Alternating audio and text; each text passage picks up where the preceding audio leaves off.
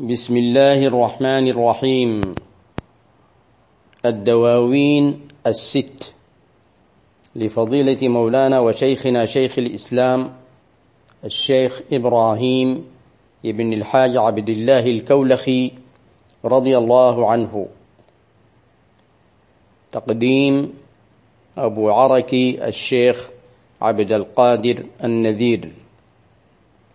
الحلقة رقم 13 قال رضي الله عنه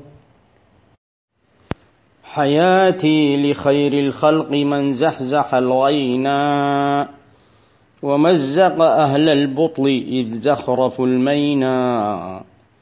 كذلك أمر الحق والبطل زاهق وأشكره في ميزي الغين والعينا. فشوقي لعبد الله أحمد سيدي محمد المختار قد زحزح الرينا. فدع عنك نقط العين فالعين ظاهر فنقطك عين العين أبدى لك الغينا. فدع عنك نقط الغين فالغين ظاهر فنقطك عين العين أبدى لك الغينا. فدع عنك نقط الغين فالعين ظاهر. فنقطك عين العين أبدى لك الغينا. ولكن ذاك الشوق غير مزحزح. وأين دواء الشوق يا جيرتي أين وشوقي إلى ذاك الجناب دواؤه حرام فلا نرجو شفاء ولا حزنا. سلوت عن البيض الحسان متى أرى جمالك عبد الله حسنا على حسنا. صلاة وتسليم عليه مسرمدا مع الآل والأصحاب قرنا على قرنا. فأفضل مبعوث من الله سيدي محمد عبد الله من جوده الحسنى. أبو البشر المفضال آدم تحته بأولاده طرا يلوذ به حينا. وكل نبي قال نفسي وأمتي يقول رسول الله أكرم به عينا. فبرهام عبد الله بالحق لائذ فلا يختشي نابا وكيدا ولا حينا. أرى أنني عبد المليك حقيقة فلا حظ للأغيار في القلب لا شينا. وذلك فضل الله حدثت شاكرا. وفخرا بحظ لا بسعدا ولا لبنا على أحمد والآل والصحب دائما. صلاة وتسليم تنفي لنا الغينا. صلى الله عليه وعلى آله وصحبه وسلم حق قدره ومقداره العظيم. أقول مستعينا بالله سبحانه وتعالى ومستمدا من أبوابه. قال الشيخ رضي الله عنه حياتي لخير الخلق من زحزح الغينا ومزق أهل البطل إذ زخرف المينا. الشيخ رضي الله عنه يقول إن حياته لخير الخلق. حياته كلها للنبي صلى الله عليه وعلى آله وصحبه وسلم. والنبي صلى الله عليه وعلى آله وصحبه وسلم حياته لله عز وجل. قال الله عز وجل قل إن صلاتي ونسكي ومحياي ومماتي لله رب العالمين فحياة الشيخ رضي الله تعالى عنه عندما تكون للنبي صلى الله عليه وسلم فهي لله لأن الله عز وجل أمرنا بالاقتداء به واتخاذه أسوة واتباعه وقال لنا وإن تطيعوه تهتدوا. فحياة الشيخ رضي الله عنه لخير الخلق أي لله عز وجل فحياته كلها اتباع دليل على تمسكه بالتقوى وتمسكه بالقرآن والسنة وبشريعة النبي صلى الله عليه وعلى آله وصحبه وسلم وهو ما ظهر كذلك به في حياته رضي الله تعالى عنه إلى أن لقي ربه. ثم وصف النبي صلى الله عليه وسلم بقوله من زحزح الغينا النبي صلى الله عليه وسلم هو الذي زحزح الغينا.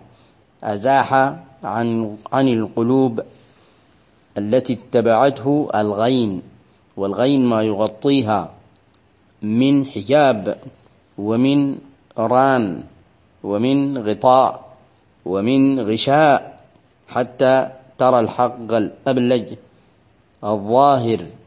جاء الحق وزهق الباطل إن الباطل كان زهوقا. ولذلك قال ومزق أهل البطل إذ زخرفوا المينا. مزق وأبعد وأزال أهل الباطل حين زخرفوا المينا. حين زخرفوا أي حسنوا وزينوا المين أي الكذب من الذين عادوه من الكافرين والمنافقين وغيرهم. كذلك أمر الحق والبطل زاهق.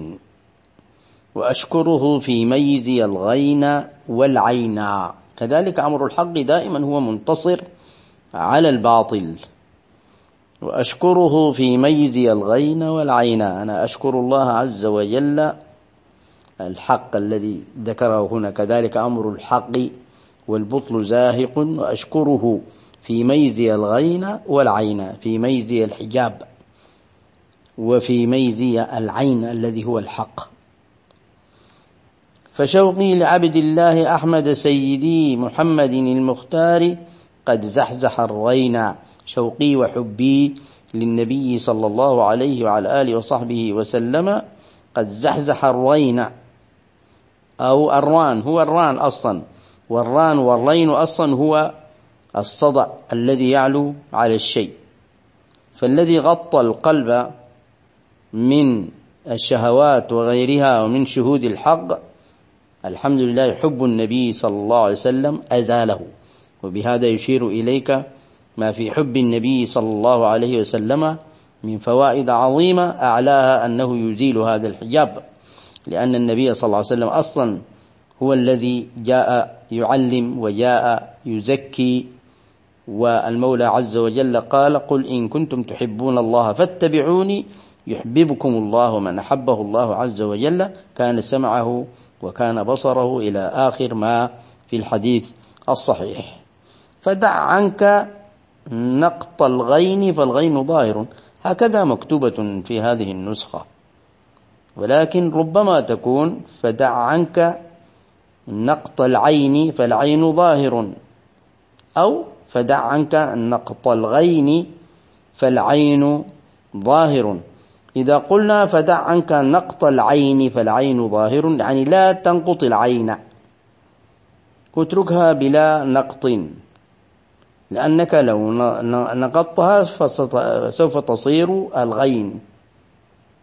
وإذا صارت الغين هذا هو الحجاب وهو غير مطلوب إنما المطلوب العين وهو الحقيقة والشهود والمعاينة. فالعين ظاهر.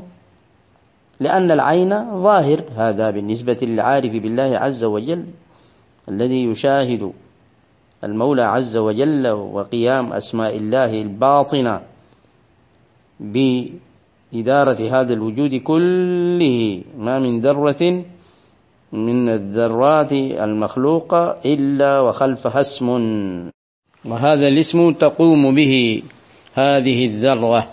قال تعالى ما من دابة إلا هو آخذ بناصيتها. وقال عز من قائل إن الله يمسك السماوات والأرض أن تزولا. ولو قلنا فدع عنك نقط الغين فالعين ظاهر أيضا. اترك نقطة الغين واجعلها عينا. فنقطك عين العين أبدى لك الغينا. ولكن ذاك الشوق غير مزحزح. هو حب النبي صلى الله عليه وسلم والشوق للنبي صلى الله عليه وسلم مع أنه يقاسي آه، العارف يقاسي من ذلك باعتبار أنه مهما أحب ومهما زاد في الشوق فإن حقيقة النبي صلى الله عليه وعلى آله وصحبه وسلم لا تدرك فالشوق مستمر وزائد دائما. ولذلك قال ولكن ذاك الشوق غير مزحزح. وأين دواء الشوق يا جيرتي؟ أين؟ وشوقي إلى ذاك الجناب دواؤه حرام لأنه لو تعالج وحصل الدواء إذا ذهب الشوق ولذلك دواؤه حرام. قال الشيخ رضي الله عنه في إحدى قصائده ويمرضني ذكراه طورا وتارة يمرضني هذاك أحوال من حب. وفي أخرى قال طبيبي سقامي طبيبي سقامي. وأخرى قال دوائي دائي وهو حبي محمدا. دوائي دائي وهو حبي محمدا.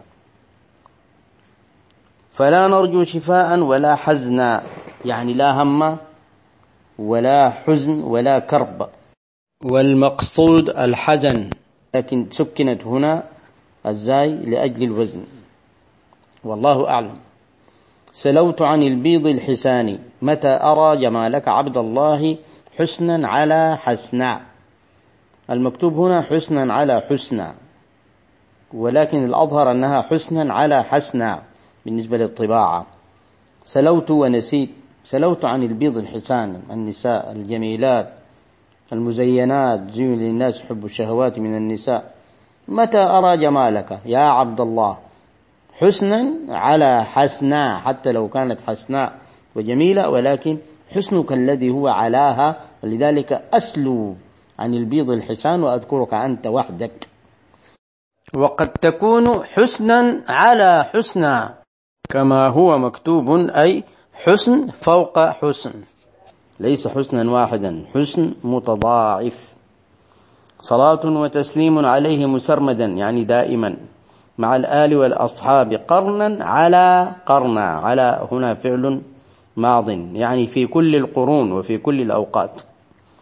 فأفضل مبعوث من الله سيدي محمد عبد الله. أفضل مبعوث أفضل رسول هو النبي صلى الله عليه وعلى آله وصحبه وسلم.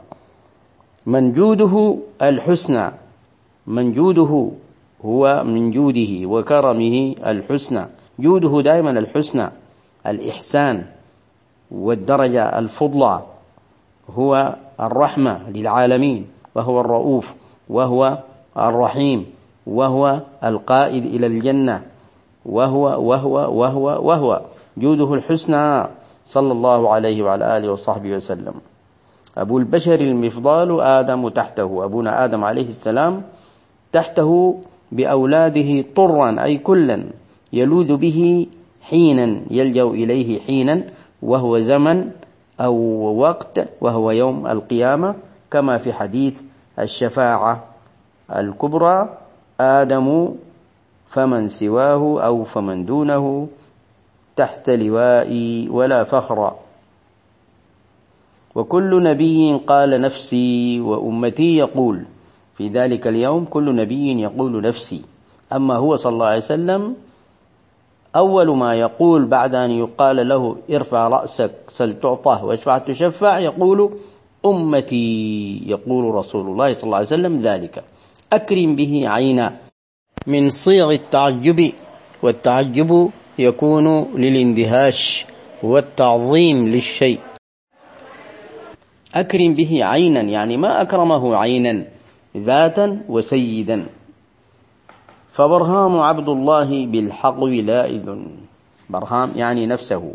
ابن عبد الله لائذ بحقك يا رسول الله. والحق هو الخصر. وعادة العرب تقول عاذ بحقه يعني استعاذ به واعتصم به ولجأ إليه فلا يختشي نابا.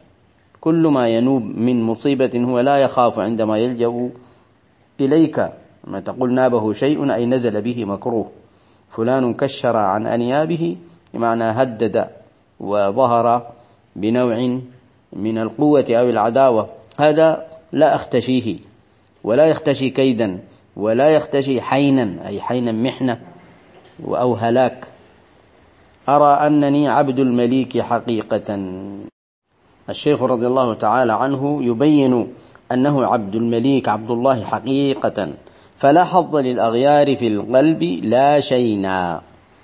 لا حظ في للغير غير الله عز وجل ولا شينا يقال لأن القلب كله لله عز وجل باتباع النبي صلى الله عليه وسلم وحبه وشوقه والانشغال به. وبذلك رجع الشيخ إلى ما في البداية التي قال فيها حياتي لخير الخلق من زحزح الغينا إلى آخره. وذلك فضل الله. هذا من فضل الله عز وجل. حدثت شاكرا لله وفخرا بحق. إذا إذا افتخرت إنما أفتخر بالحق. لا بسعدى ولا لبنى إشارة إلى الأغيار. على أحمد والآل والصحب دائما صلاة وتسليم تنفي لنا الغينا الغطاء والغشاء والحجاب. اللهم آمين. والله أعلم ونواصل إن شاء الله تعالى.